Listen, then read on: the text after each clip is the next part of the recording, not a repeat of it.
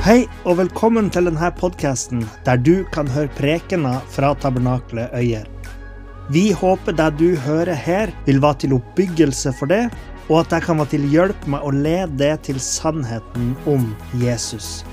Hvis du ønsker å finne ut mer om oss, kan du gå inn på hjemmesida vår på tabernakletoyer.no.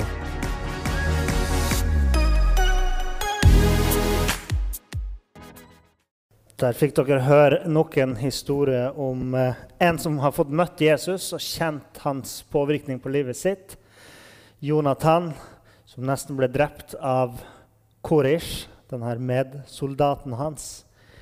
Og eh, historien hans om hvordan han eh, møtte Jesus og kom fram til at han skulle tilgi han som prøvde å, å drepe han, er mye sterkere enn noe det jeg har greid å koke opp til i dag.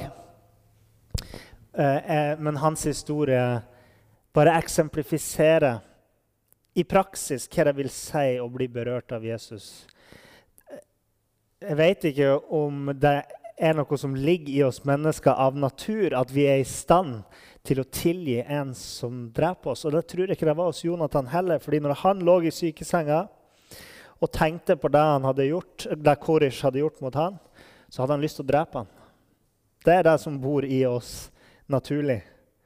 Men da han leste i Bibelen og fikk kjenne Jesus, så rørte det hjertet hans. Det grep hjertet hans og forandra han. Og tenk på at en dag så vil alt det her ta slutt. Krig, militære, der det her skjedde, de var jo soldater. Det vil ikke være behov for det en gang i framtida, når Jesus kommer tilbake. Hat, mord, vil ikke være lenger. Og ironisk nok fordi vi syns at det er så vakkert og sterkt med tilgivelse. Men det vil komme ei tid da tilgivelse ikke er nødvendig. Fordi det vil ikke være noen ting lenger å tilgi. Og vi fortsetter jo i dag serien om profetien om Messias og har siste del eh, om det. Og eh, så langt så har vi jo sett hvordan Bibelen profeterte framover mot Jesus og det livet han levde, den døden han døde, og det, det døden hans betydde for oss, hvordan han for opp til himmelen, og, og alle de tingene som var forutsett. Og eh, han skal komme tilbake igjen. Og vi kan se fram til en tid der, eh, der, vi ikke lenger skal oppleve det Jonathan opplevde. Og det vil være fred. Og dette vil skje allerede når Jesus kommer tilbake hit på jorda og innleder sitt messianske herredømme. Og det er temaet for i dag. Den siste del av de her messianske profetiene handler om det messianske herredømmet. Hvordan vil det være når Jesus kommer tilbake? Eh, forrige gang så var det jo Jesu gjenkomst som var tema. Og, og, da begynte vi å gå inn på de her uoppfylte profetiene. sant? Eh, ting som enda ikke har skjedd. Og um, sjøl om det noen gang kan være kanskje vanskeligere å forstå og tolke de her uoppfylte profetiene, så har vi god grunn til å stole på de. Hvorfor sier jeg det? Jo, fordi at jeg ser hvordan alle de andre profetiene har blitt oppfylt. Jeg har sagt dette poenget før i denne serien, men jeg vil si det igjen. Når du kommer hit på tabernaklet, eh, som du har gjort mange ganger før, og du setter kanskje på den faste plassen din ikke sant, her i salen, på den stolen du har sittet kanskje tusen ganger før, hvorfor stoler du på at stolen holder det oppe denne gangen òg? Kanskje du har lagt på den kilo siden sist, til og med? Hvorfor stoler du på at stolen holder det i dag? Fordi den har jo holdt alle de andre gangene. Og Sånn er det tenker jeg, litt med profetiene òg. Man har jo sett hvordan de har holdt så langt. Sant? Så vi har grunn til å stole på at de vil holde i det som skal komme. Så når vi eh, ser på hvordan så mange profetier om Jesus har blitt oppfylt, med så mange detaljer så tror jeg at vi kan stole på at detaljene om det som skal komme, òg stemmer. Og det vil skje slik det står. Kanskje ikke vi alltid har den riktige tolkninga, men, men, vi har ordet om det som vil skje. Bibelen er klar på at Jesus vil snart komme tilbake. Og noe av det som vil skje da, som vi snakka om sist, er at man vil bli levendegjort igjen. De døde vil bli levendegjort når han kommer tilbake. Og de troende vil bli forvandla, de som er i live.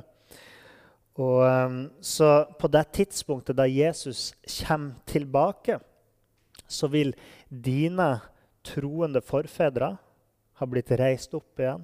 Alle som man har mista, vil bli reist opp igjen.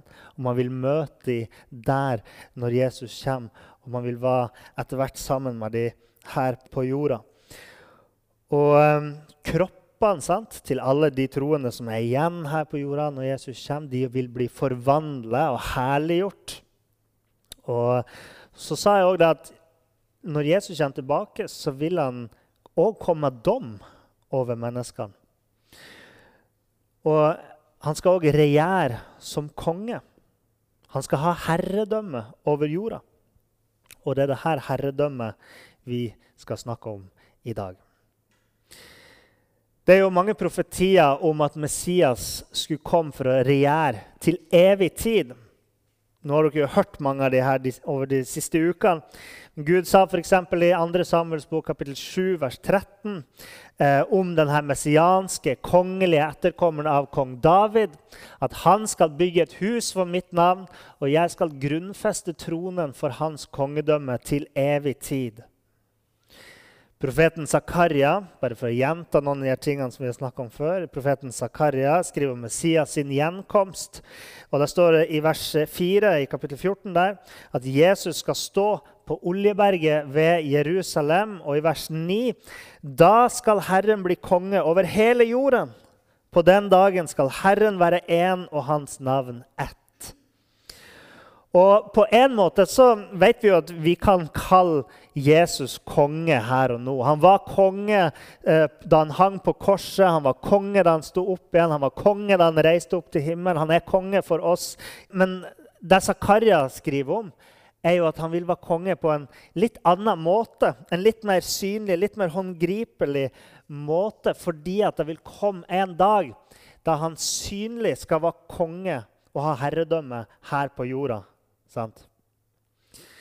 Så Det står jo om det her i profeten Daniels bok. Og han, eh, først så står det i kapittel 2, vers 44, hvordan de her menneskelige kongerikene skal opphøre og bli borte. Og, så skal det komme et, et nytt kongerike. Det står i 2, 44. I disse kongenes dager skal himmelens Gud oppreise et rike som aldri i evighet skal bli ødelagt. Riket skal ikke overlates til noe annet folk. Det skal knuse og gjøre ende på alle disse andre rikene, men det skal selv bli stående til evig tid. Og Senere får Daniel et nytt syn.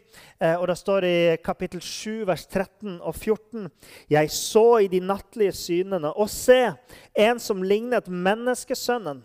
Menneskesønnen er jo en tittel på Messias som Jesus bruker hele tida om seg sjøl. En som lignet menneskesønnen, kom med himmelens skyer. Han kom bort til den gamle av dager, og de førte ham fram til ham. Så ble det gitt ham herredømme og ære og rike, så alle folk og folkestammer med alle tungemål skulle tjene ham. Hans herredømme er et evig herredømme som ikke forgår, og hans rike er det som ikke skal ødelegges. Wow. Dere vet Israel Israel hadde meint å være et land som skulle være et lys for alle nasjonene. Et hellig folk. Og Gud skulle dvele midt iblant dem. Og de skulle gjøre det Gud hadde kalt dem til. Og på den måten vise menneskene at ja, Gud var deres Gud. Og Gud sa til de andre 2. Mosebok kapittel 19, vers 5 og 6. Derfor om dere nå virkelig vil lyde min røst og holde min pakt, da skal dere være min eiendom framfor alle folk. For hele jorden er min. Dere skal være et kongerike av prester for meg og et hellig folk. Men folket var ikke alltid lydig. Det var derfor Daniel, når han skrev sine profetier, var i eksil i Babylon sammen med mange av sine landsmenn. Og tenk på at når kong Salomo hadde fullført tempelet, for Gud sa han skulle dvele iblant israelittene. Han skulle være midt iblant dem. sant? Når kong Salomo hadde fullført bygginga av tempelet i Jerusalem, så står det i andre krønikebok, kapittel 5, vers 13 eh, og 14. Da ble huset, Herrens hus, tempelet, fylt av en sky, slik at prestene ikke kunne fortsette tjenesten pga. skyen, for Herrens herlighet fylte Guds hus. Herren tok bolig der, viste sitt nærvær der. Men rett før eksilet i Babylon så skjedde det motsatte.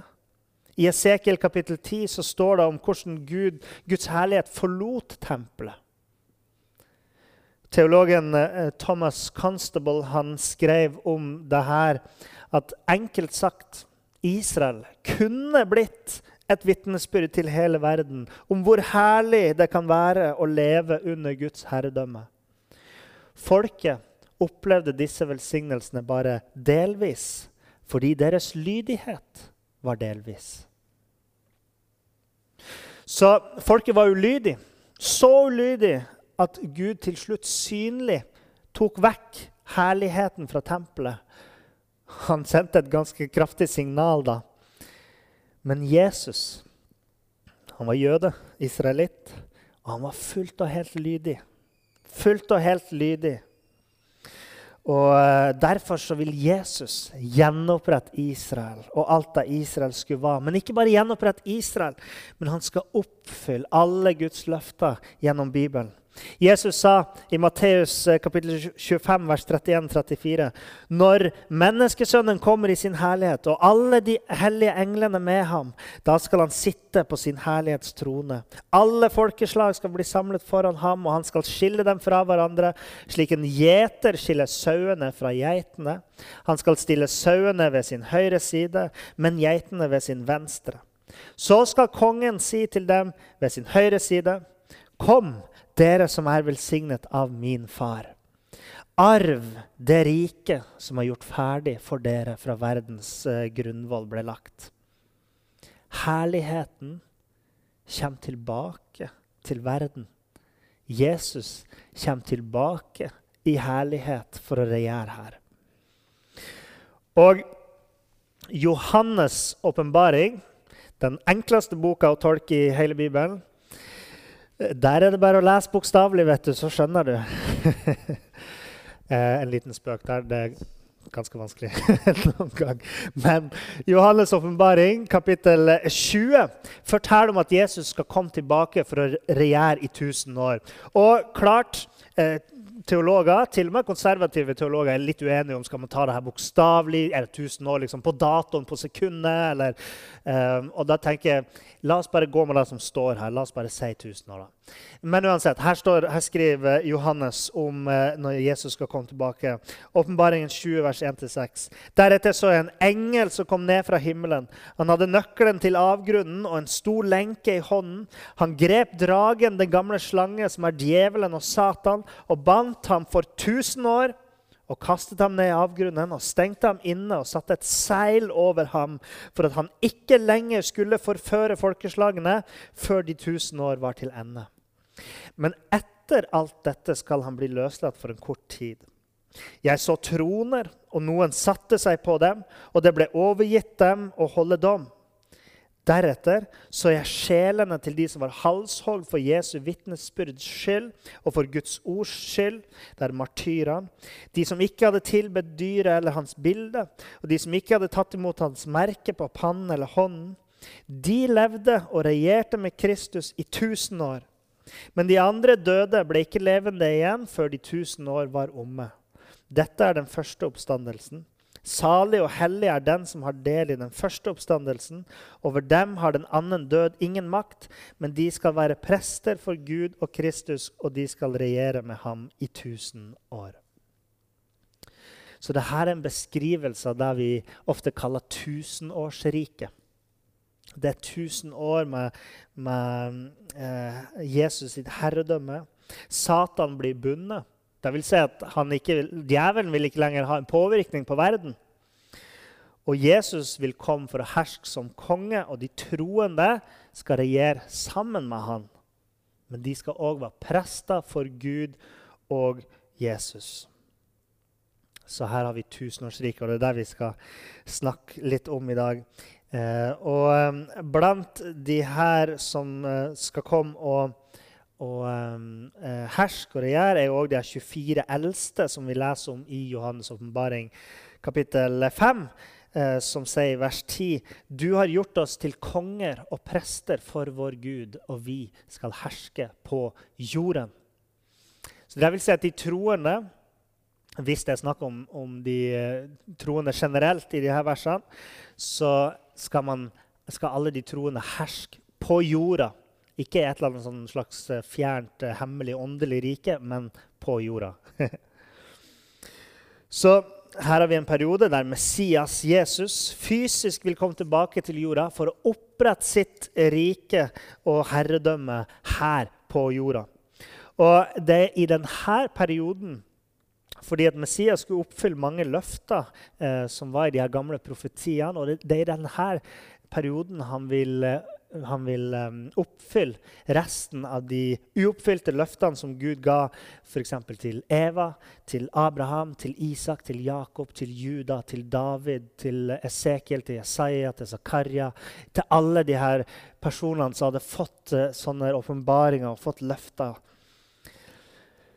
Men Tusenårsriket er én ting, og det er det vi skal snakke om i dag. Men jeg vil også bare si det, at tusenårsriket skal ikke være evig. det ligger jo litt i ordet, tenker jeg. Eh, altså, Bibelen skiller mellom det her messianske eh, herredømmet, det tusenårsriket, og Guds evige rike. Den nye jorda, nye Jerusalem, eh, nye himmelen og de her tingene. Sånn at Bibelen gjør et skille der. Paulus skriver i 1. Korinterbrev kapittel 15, vers 23-25. Kristus er førstegrøden. Deretter levendegjøres de som tilhører Kristus, ved hans komme. Så kommer enden, når han overlater riket til Gud Fader og han gjør slutt på all makt, all myndighet og alt velde. For han, altså Messias, eller Jesus, han må herske til han har lagt alle fiendene sine under sine føtter. Poenget er at Messias, Jesus, har fortsatt en oppgave å fullføre her på jorda. Og Det er der Paulus skriver om her, at uh, Jesus vil komme tilbake. Han vil gjøre slutt på alle menneskelige riker og makter. Han vil overvinne alle de som står imot han, som står imot Gud. Alt dette vil skje i tusenårsriket. Og deretter vil han overlate riket til Gud Fader. Det betyr ikke at hans eh, herredømme egentlig er over. Det betyr ikke at riket legges ned og sier nå er vi ferdig, men han overlater det til Gud Fader. Og Det er der vi leser om i Åpenbaringen 21, der Johannes skriver Jeg så en ny jord, nei, en ny himmel og en ny jord. For den første himmel og den første jord var borte, og havet er ikke mer. Og jeg, Johannes, så den hellige byen, den nye Jerusalem, komme ned fra Gud, ut fra himmelen, gjort i stand som en brud smykket for sin brudgom. Jeg hørte en høy røst fra himmelen som sa, Se, Guds bolig er hos menneskene. Og han skal bo hos dem, og de skal være hans folk. Gud selv skal være hos dem og være deres Gud. Gud skal tørke bort hver tåre fra deres øyne, og døden skal ikke være mer. Heller ikke sorg eller gråt eller smerte skal være mer, for de første ting er borte. Så først har vi denne perioden der Jesus kommer tilbake og hersker på jorda sant? sammen med de troende. Helt fram til Jesus har lagt alle sine fiender under eh, sine føtter og overlater riket til eh, Gud Fader. Så man skiller altså mellom tusenårsriket og det evige riket.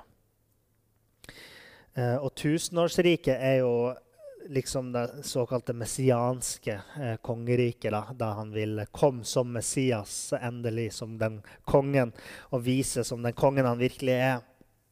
Jesus lærte oss å be 'La ditt rike forbli i himmelen' Nei, 'La ditt rike komme. La din vilje skje på jorden som i himmelen. Han vil la sitt kongerike komme hit. Han vil la sin vilje skje her på jorda. Han lærte oss ikke den der bønnen for at vi ikke skulle få svar på den. Så la oss spørre oss hvordan vil dette eh, messianske herredømmet se ut? Det er spennende, og det er egentlig ganske mye stoff.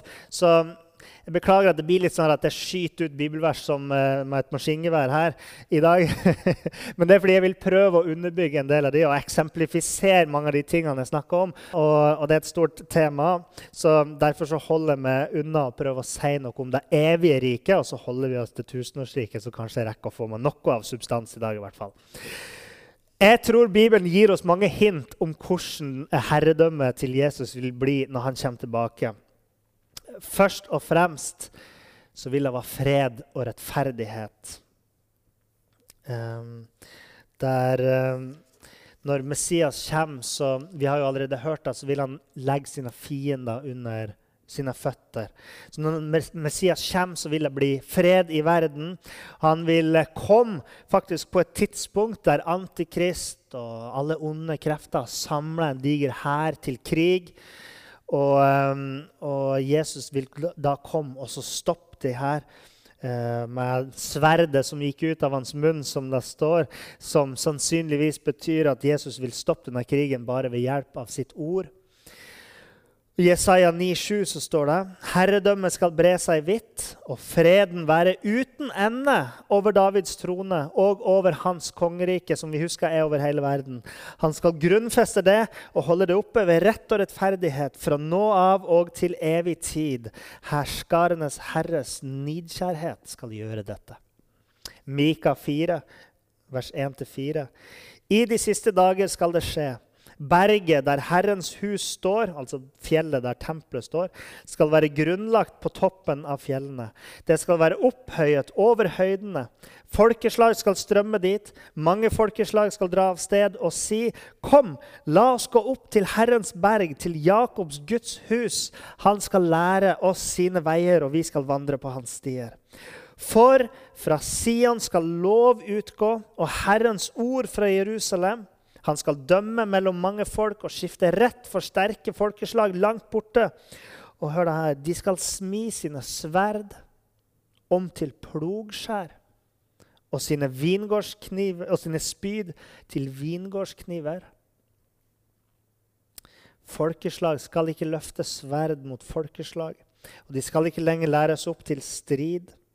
Men enhver skal sitte under sitt vintre og sitt fikentre, og ingenting skal skremme, for Herren, herskarenes Guds munn, har talt. Så alle våpen, som det står her, da, det er så fin, fint språk, det her med sverdene skal smis om til plogskjær i stedet for krig. sant? så kommer vi til å bruke våre krefter, våre teknologiske evner liksom, som mennesker, til å til å pleie skaperverket som Gud har gitt oss. Og, eh, og det vil være fred. Og det er så deilig bilde der sett under fikentreet. Det er sånn som man, man har sånn idyllisk bilde av et jorde med et svært tre ute på jordet, og så setter noen der med et strå i munnen og nyter livet. Kanskje en kald brus. Og, sant? Sånn vil det være, i motsetning til de episodene som vi hørte Jonathan fortelle om i den videoen. Zakaria kapittel 9, vers 10. Jeg skal utrydde vognen fra Efraim og hesten fra Jerusalem. Krigsbuen skal utryddes. Han skal tale fred til folkeslagene. Så I tusenårsriket vil det være fred fra all krig, men ikke bare fred. Fordi Jesus vil sørge for å opprettholde rettferdighet. Han vil dømme rettferdig blant folk. Til og med de som er langt borte her i Norge. Ut fra Mika og Zakaria så kan det høres ut som at det bare er kraften ved Guds ord som kommer til å skape denne freden. For det står i, i Mika at Herrens ord skal utgå fra Jerusalem. Eh, så vil de legge ned sine våpen. Og i Zakaria så taler han fred. Jeg tror jo det er kraft i, i Jesu ord. Jeg tror vi vil se mer av det da. Men på slutten av det messianske herredømmet så vil Satan slippes fri, som det sto i Johannes, ei kort stund. Og Da står det at han vil samle sammen en massiv hær som vil omringe Jerusalem. Og jeg vet ikke helt sikkert om, om, man skal forstå det sånn at det faktisk blir en krig på slutten av tusenårsriket pga. det står hele tida det skal være fred. det skal være fred. Uh, Jesus skal sørge for at det er fred. Eller om denne hæren vil, vil, samles til strid og omringe Jerusalem og bli fortært av ild før de får gjort noen skade. liksom. Men uansett så vil tusenårsriket være prega av en epoke det vil være en epoke med fred, en tusenårsfred. Pax millennium, som romerne ville sagt. Jeg vet ikke hvorfor jeg kom på det nå, men eh. Så den neste tingen Nå har vi snakket om fred og rettferdighet. Men det vil òg skje noen geologiske, økologiske og biologiske forandringer i verden.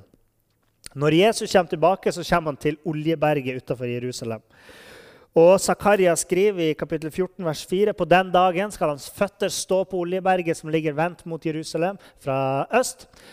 Oljeberget skal revne i to fra øst til vest, så det blir en meget stor dal.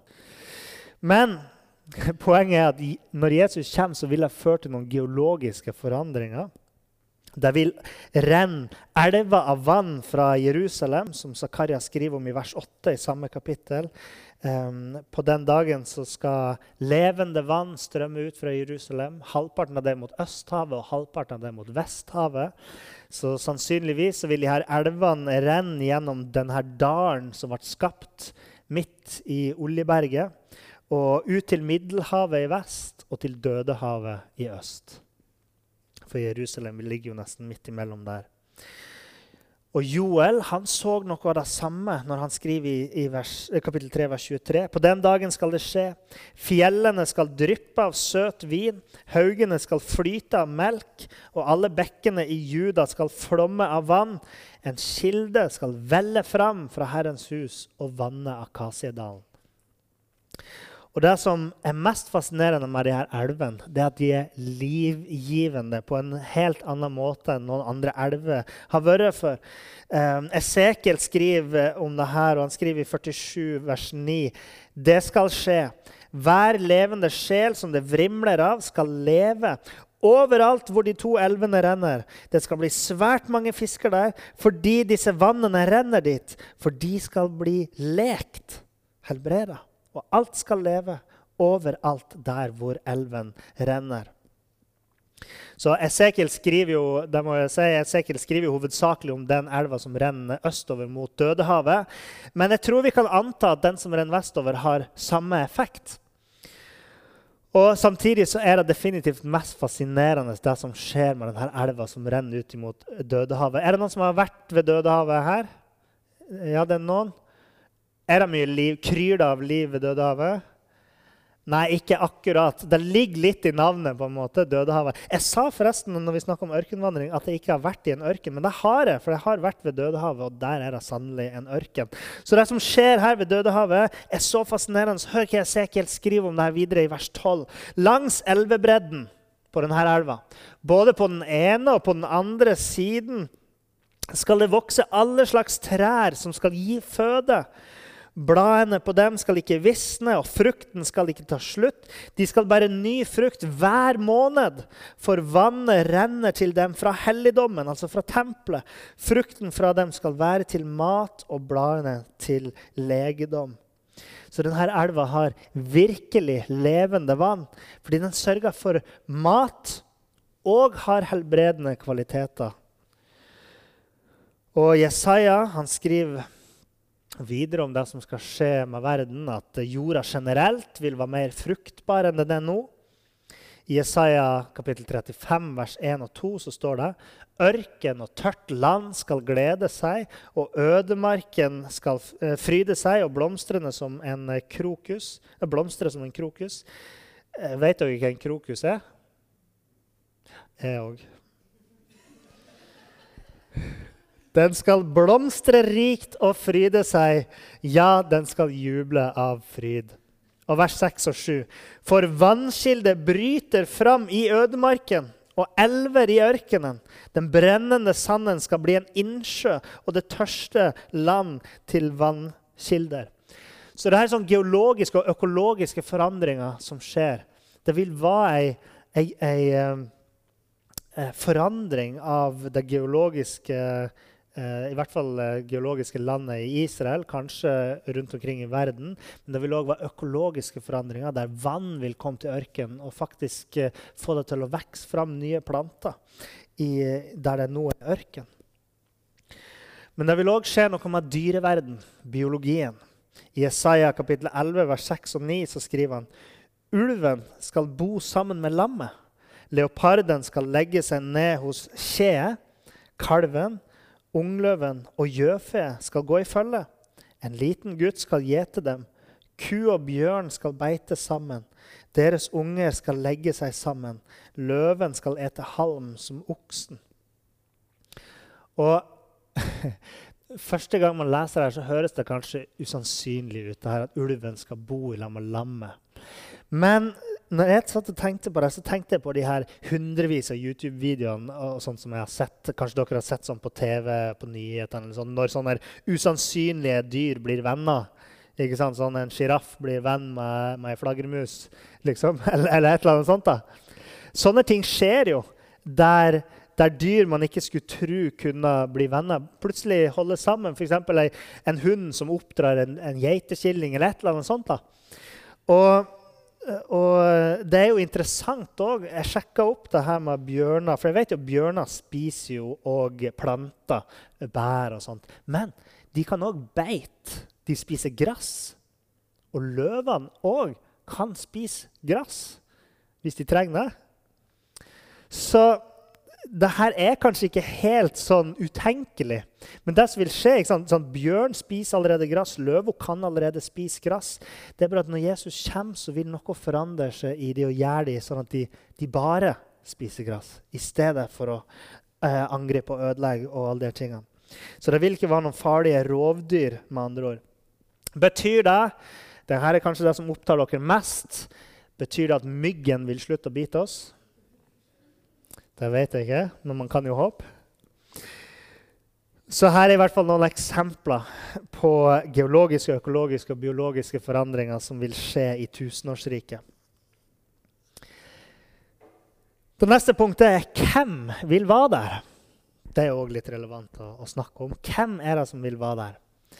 Vel, som sagt så vil jo alle troende jeg tror i hvert fall det, alle troende vil være der uh, og herske sammen med Jesus alle som har blitt eh, eh regna som rettferdig fordi de har trodd på Jesus eh, og trodd på Kristi evangelium, vil få herliggjorte kropper, som Paulus skriver i 1. Korinterbrev 15, eh, vers 52 og 53. For basunen skal lyde, og de døde skal oppstå uforgjengelige, og vi skal bli forvandlet, for dette forgjengelige må bli ikledd uforgjengelighet, og dette dødelige må bli ikledd udødelighet. Så alle som var troende før tusenårsriket, vil få udødelige kropper og leve hele denne perioden i tusenårsriket. Og Jesus han sier også om det her i Matteus 22, eh, vers 30. For i oppstandelsen verken gifter de seg eller blir giftet bort, men er som Guds engler i himmelen. Så alle troende vil være forvandlet og vil være til stede som medregenter. Vi vil ikke kanskje stå likt som Jesus, eh, tror jeg ikke, men, men vi vil være som fyrster, som medregenter i dette riket. Og kanskje vil det være, være, sånn at noen står høyere enn andre. Det tror jeg Bibelen eh, snakker om, at, at, noen vil få spesielle roller, sånn som kanskje patriarkene og apostlene vil ha noen spesielle roller her. Eh, og kong David, f.eks., og, og sånn. Men, men uh, at man like fullt vil, uh, vil være uh, medregenter med Jesus. Og som vi leste i Åpenbaringen kapittel 5, vers 9 og 10, så skal vi være prester. De troende kommer til å være prester. Det innebærer at vi kommer til å undervise om de tingene som hører Gud til. Vår oppgave vil være litt lik den vi har i dag, egentlig. Den vil være å sørge for at eh, ingen faller fra, mister troa og går fortapt før enden av tusenårsriket. Uh, jeg skal komme tilbake til det. Vi kommer sannsynligvis òg til å delta i tilbedelsen av Messias på ulike måter. Og det er sånn cirka det man kan si om vår oppgave i tusenårsriket, for Bibelen gir ikke så mange svar, men, eh, men den gir noe.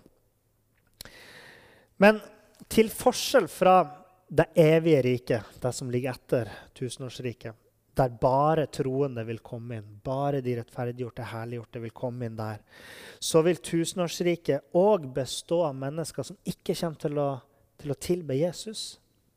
Så det vil være folk der som ikke tror, som ikke vil tilbe. Dette ser vi f.eks. i Zakaria 14, vers 16-18. Det skal skje at alle som blir igjen av alle folkeslagene som kom imot Jerusalem sant, for å krige mot Jerusalem, skal år etter år dra opp for å tilbe kongen, herskarenes herre, for å feire løvhyttefesten. Det skal bli slik at den av slektene som ikke drar opp til Jerusalem for å tilbe kongen, herskarenes herre, over dem skal det ikke komme regn. Hvis ikke slektene i Egypt vil dra opp og komme inn, skal de heller ikke få regn. De skal slås med den samme plagen Herren lar ramme de folkeslagene som ikke kommer opp for å feire løvhyttefesten.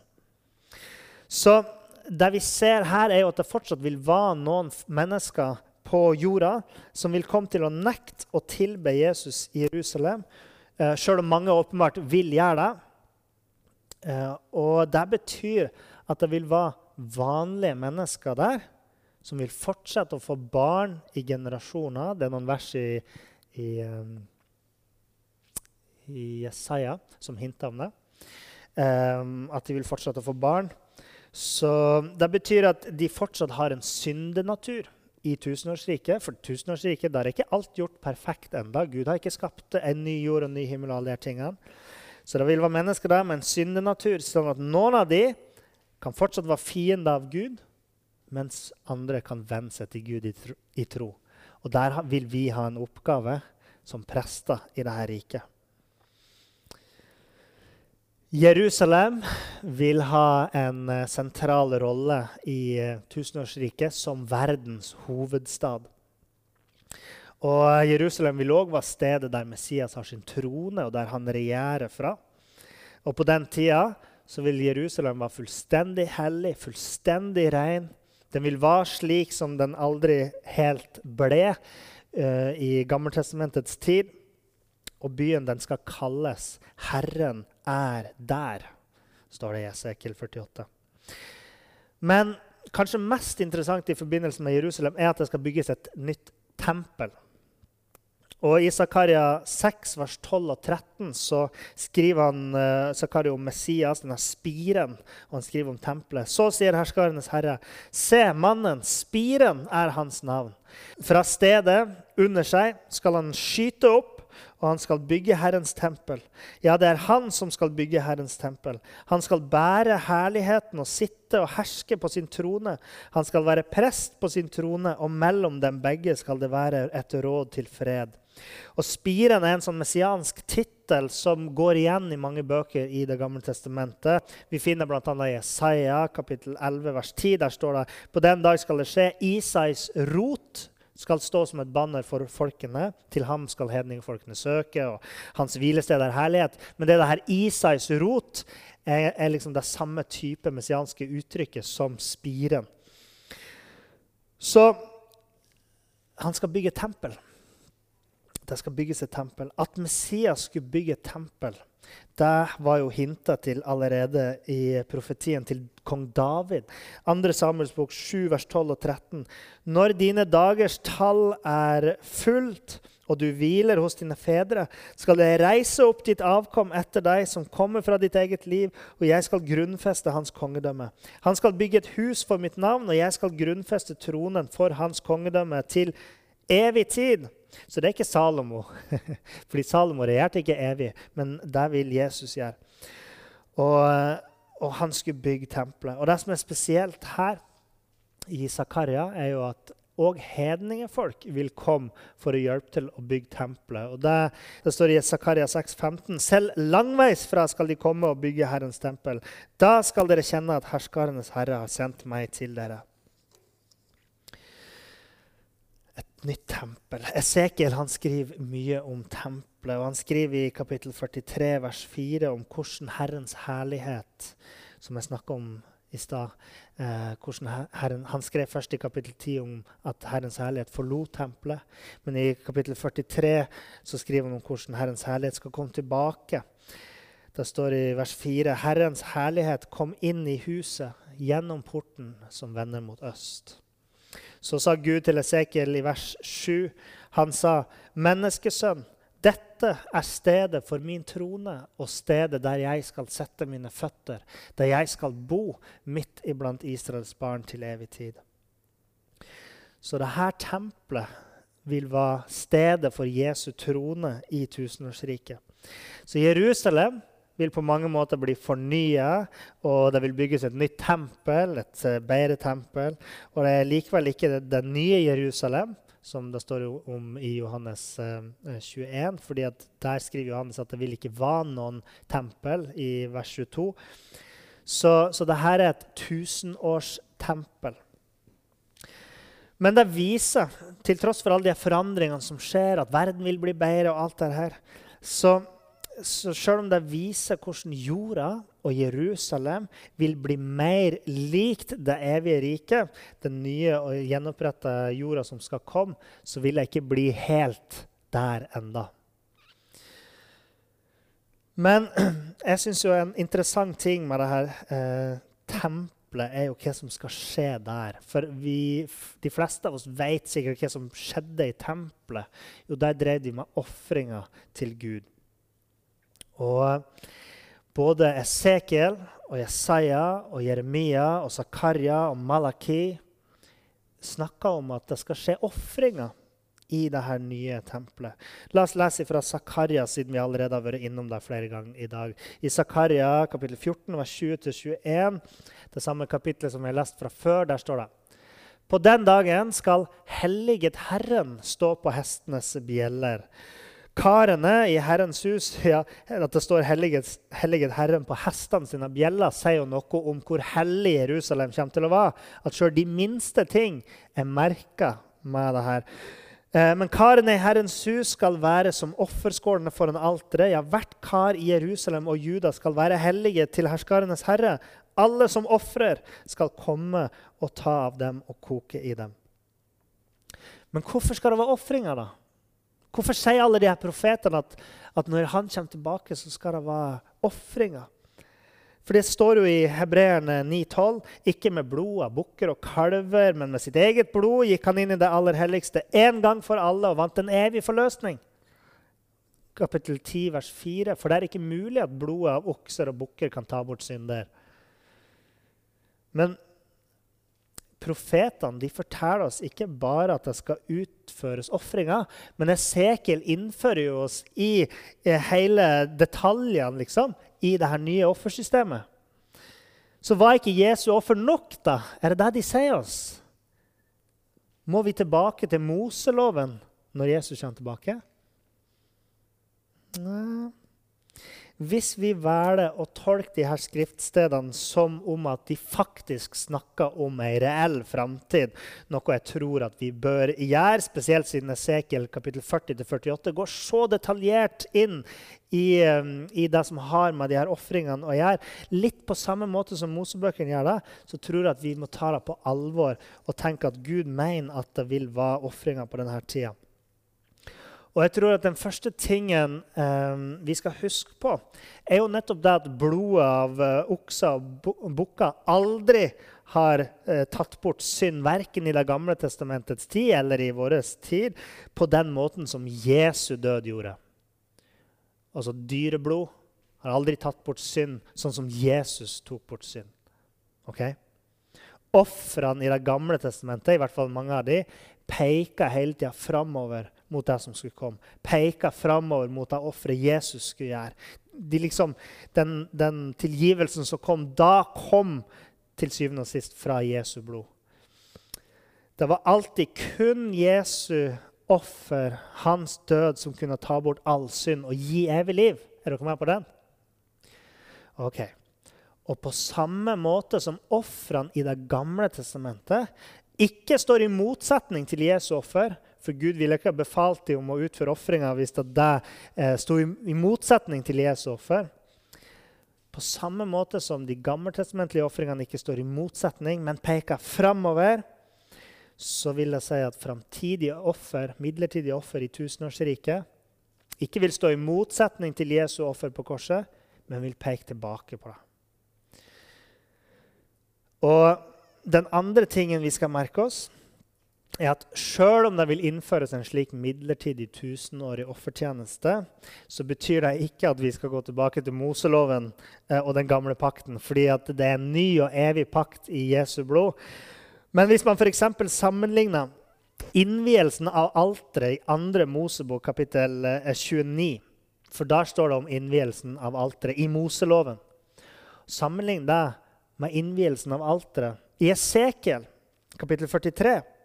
Så ser man at innvielsen av alteret i Esekiel er et brudd på Moseloven. sånn at det gjorde faktisk at en del rabbinere for mange, mange, mange, mange, mange, år siden i den første tida ikke hadde lyst til å innlemme Esekiel i sin bibel. Fordi at det var jo i strid med Moseloven. Det vil si at Esekiel, når han skriver om de ofringene der, det er ikke Moseloven. Han peker ikke på Moseloven, han peker på noe nytt. I andre Mosebok så ofrer man ikke geiter for å innvie alteret. Mens i Esekiel så ofrer man geiter sju dager på rad når man innvier alteret. Så det er forskjellige ting her. Det er mange, mange eksempler på det. Og eh, I Moseloven så var jo paktsarken viktig. Sant? Hva var det som var oppi paktsarken? Eh, ja, Toraen, ja. De ti bud. Så Steintavlene som Moses fikk fra Gud. Så paktsarken var viktig. Den var veldig hellig. Den representerte Guds nærvær. Men la oss uh, se på hva Jeremia sier om hvordan ting skal bli i tusenårsriket. I, um, I, Jeremia kapittel 3, vers 16 og 17. Når dere er blitt mange og fruktbare i landet i de dager, sier Herren, skal det skje. De skal ikke mer si Herrens paktsark. Tanken på den skal ikke lenger komme opp i hjertet. Og de skal ikke huske på den, og de skal ikke savne den, og den skal ikke bli lagd mer. På den tiden skal de kalle Jerusalem Herrens trone, og alle folkeslag skal samle seg foran den til Herrens navn, til Jerusalem. De skal ikke lenger følge sine harde og onde hjerter. Eh, sitt harde og onde hjerte. Eh, paktsarken, som inneholder de ti bud, er jo representativ for den gamle pakt. Mens i tusenårsriket og i det som ligger foran, så kommer man ikke til å minnes paktsarken. Så det er ikke sånn at de her ofringene har noe med Moseloven å gjøre. Men et litt vanskelig spørsmål egentlig er hva er poenget med de her ofringene? Um, jeg har henta to sannsynlige løsninger fra en teolog som heter Matthew Irving. Uh, og han sier for det første de utføres til minne om Jesu offer. Altså, På samme måte som vi alltid snakker om at ofrene i den gamle pakt peker framover til Jesu død, så kan de her ofrene peke tilbake og minnes om det.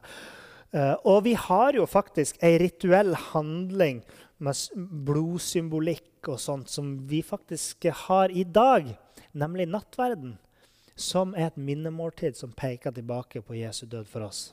Så vi er ikke helt ukjent med denne type rituell symbolikk. da eh, som, eh, som, eh, som, vi har i nattverden, eh, som vi da vil se kanskje i dette offersystemet. Så, så fremt vi ikke da sier at det var gærent av israelittene å lytte til Gud og utføre ofringer i den gamle pakt, så vil det ikke være gærent av oss å lytte til Gud og utføre det han ber oss om i tusenårsriket. Den andre sannsynlige løsninga på dette skriver Matthew Irving, Ofrene utføres som ei sikring mot urenhet. Esekiel han skriver i kapittel 45, vers 18-20. Så sier Herren Gud, I den første måneden, på den første dagen i måneden skal du ta en ung okse uten feil og rense helligdommen. Presten skal ta noe av blodet fra syndofferet og stryke det på dørstolpene på huset og på de fire hjørnene av avsatsen til alteret og på portstolpene i porten til den indre forgården. Slik skal du også gjøre på den sjuende dagen i måneden for hver den som fare vil, eller som er enfoldig. Slik skal dere gjøre soning for huset, for tempelet. Husk at det fortsatt vil være uperfekte og uh, rituelt sett ureine mennesker i verden på denne tida. Sant? Som er rundt omkring i verden, som kommer til tempelet for å tilbe. Uh, og Samtidig så skal òg Jerusalem og tempelet på denne tida være fullstendig rene og hellige steder. Så de ofringene vil kunne minne oss om Messias, om tempelet og Jerusalem sin hellighet samtidig som de vil være der for å sørge for rituell renselse. Jeg tenker at Litt på samme måte kanskje som at det ikke er gærent for kristne i dag å følge f.eks. Eh, matforskriftene i Moseloven. Det er ikke gærent hvis en kristen sier jeg har lyst til å gjøre det. Så lenge de ikke gjør det for at de skal prøve å bli enda mer frelst. eller et eller annet sånt. Det er ikke noe gærent i å følge matforskriftene. Og på samme måte så tror jeg ikke det vil være noe, være noe gærent med sånne rituelle renselsesoffer i tusenårsriket. Um, fordi de har ikke med frelsen å gjøre. De har ikke med, med, det, med tilgivelse av synd å, å, gjøre. På samme måte som Jesu uh, offer hadde, i hvert fall. Så det vil bli bygd et nytt tempel. Det vil gjøres ofringer i tusenårsriket. Og dette vil være stedet der mest sannsynlig Jesus vil ha sin trone. OK, der var maskingeværet nesten ferdig. Men etter tusenårsriket da vil det ikke finnes noe tempel lenger. For Johannes skriver at det er ikke noe tempel i den nye Jerusalem. Han sa, men jeg så ikke noe tempel i den, for Herren, Gud den mektige, og lammet er dens tempel. Så la meg prøve å oppsummere alt det her før dere blir mett av dager, før, dere, før jeg er ferdig. Um, Jesus vil snart komme tilbake. Det er min tro. Han vil snart komme tilbake for å opprette et messiansk tusenårsrike her på jorda. Der han skal regjere som konge fra Jerusalem, som da vil være verdens hovedstad. Han vil etablere fred og rettferdighet i verden og Satan vil være forhindra fra å påvirke oss. Sånn at vi som prester vil ha en enklere jobb med å overtale folk til å tro på Jesus, tror jeg. Um, det vil være endringer i verdens geologi og økologi og biologi. Der uh, verden vil være mer frodig og fruktbar, og matproduksjonen vil øke. Det vil ikke være noen rovdyr lenger. Herliggjorte troende og vanlige mennesker vil være til stede der og leve side om side. Men de herliggjorte troende vil være prester og herskere i dette riket. Et nytt tempel vil bli bygd i Jerusalem, som vil være fylt av Guds herlighet. Og Messias vil ha sin trone der. Et nytt offersystem vil bli etablert i tempelet der, eh, der man vil ofre og, og, sannsynligvis ofre til minne for det Jesus har gjort for oss. Og det vil vi gjøre i tusen år. Så med det her så avsluttes det messianske herredømmet i den nåværende verden. Etter alt det her har vært tusen år med de her tingene. Uh, og det vil avsluttes med en siste dom jeg sa jo innledningsvis at Jesus ville komme med dom, og det vil være en siste dom på slutten av tusenårsriket. En endelig dom over djevelen og over alle onde makter og myndigheter og over levende og døde. Jesus vil deretter overgi riket til Gud Fader. Det betyr ikke at Jesus slutter å være konge, eller at herredømmet hans tar slutt, men det symboliserer at Jesus har oppfylt alt han var sendt til den nåværende verden for å fullføre. Deretter vil han regjere som lammet sammen med Gud Fader i det evige riket. Da vil den treenige Guds herredømme være komplett. Da vil det bli en ny verden og en ny hovedstad, et nytt Jerusalem. Da vil all synd være overvunnet for evig tid. Smerte og sorg finnes ikke. Til og med denne vakre handlinga som Jonathan eh, gjorde, vil ikke lenger være nødvendig. Vi vil ikke trenge å tilgi hverandre i det evige riket, fordi ingen synder mot hverandre der. Til og med, ja, eh, til og med eh, så vil det være sånn at Gud Fader er tempelet. Og Gud vil være boligen, han vil være herligheten, og han vil være kilden til alt lys i det evige riket. Og eh, ja, Jeg skal ikke snakke om hele evigheten i dag. Men det vil være et herlig sted. Og det er um, inspirasjon til en ny serie antar jeg, en annen gang. Å snakke om himmelen og det evige og alt det der. Men vi avslutter her, tror jeg. Dette er jo litt sånne prekener som blir litt teologiske, og som jeg sier, et maskingevær med bibelvers og sånt. Men jeg vet aldri hvordan dette kan treffe noen mennesker. Hvordan folk som trenger å høre det her. Hva det kan gjøre med troa vår og styrke oss. Det gjør det for meg. Å få litt mer kjøtt på beina når man snakker om det her som ligger foran oss. Så jeg håper det gjør det for det òg. Og Jeg håper at du blir inspirert av å høre om alle de her profetiene om Messias. At du kan glede til det som ligger foran. Fordi det er en plass for det der. Når du venner deg til Gud, og du tror på Jesus, og du uttrykker at du elsker han, så er det en plass for det i evigheten. Du vil være sammen med han fra den dagen du går herifra, og inn i evigheten. Mm. Herre Far, Takk for pinsedag, Herre. Takk for det som skjedde da, at Den hellige ånd kom ned over oss. At vi kan få kjenne sannhetens ånd. At vi kan bli veileda til de sannhetene som eh, du ønsker at vi skal kjenne, Herre. Eh, far, du har uh, lagt noen tanker i hjertet mitt i dag som jeg har delt her. Jeg håper at det kan være til oppmuntring. Og jeg ber om at Den hellige ånd skal, skal komme og hjelpe folk til å tenke gjennom det her, til å, til å glede seg over det, til å fryde seg over det, til å kjenne en indre glede over å tenke på de tingene om Messias, om den rollen han skal ha. Far, jeg ber om at du skal fylle hodene deres med, med bilder av eh, den herligheten som vil komme. Med bilder av Jesus på tronen, med bilder av hans herlige herredømme, med bilder av fred og, og alt det gode som skal komme. Far, la det bli til glede for oss, for menigheten her. Og kjære Gud, på pinsedag så kom Den hellige ånd, og jeg ber om at Den hellige ånd skal falle på oss i dag og i dagene som kommer. Herre, far, la oss uh, få lov til å kjenne um, at dobbeltbacken flyter flyt fram i oss i dag. Fordi at vi kjenner Jesus, og det er han som er kilden til liv. Så fyll oss med deg, Herre. Fyll oss opp, Herre. Bare kom med Din Hellige Ånd og fall på oss nå, far.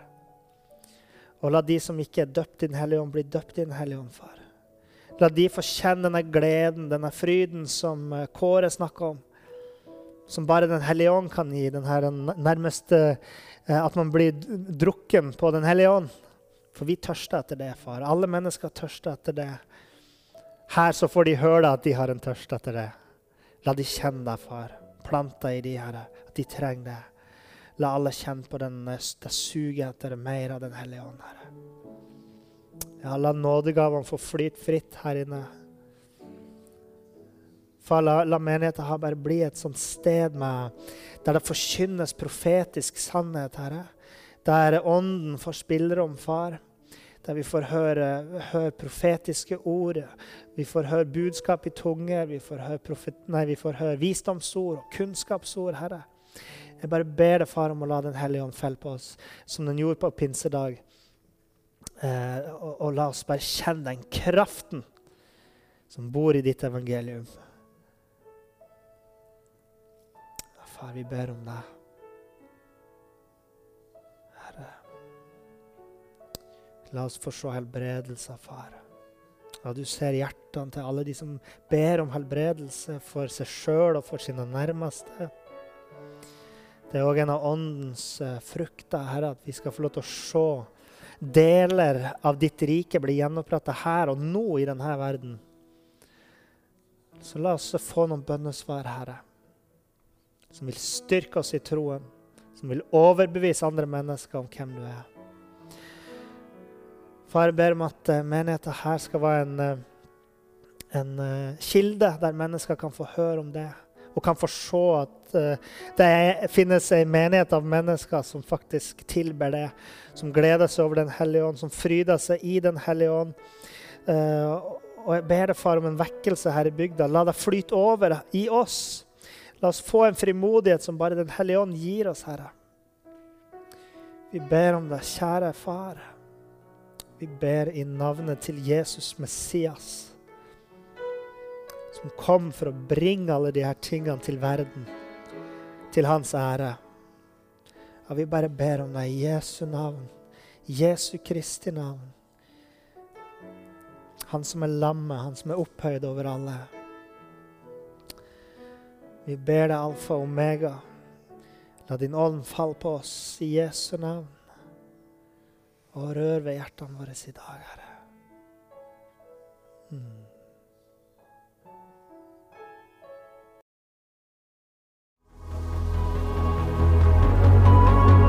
Takk for at du hørte på. Hvis du tok et steg i tro i dag, eller du har noe du ønsker forbønn for, så vil vi gjerne høre ifra det via e-postadressen kontaktalfakrølltabernakletoier.no. Du er òg velkommen til våre ukentlige gudstjenester i menighetslokalet i Haugskutua 5 26 36 Øyer.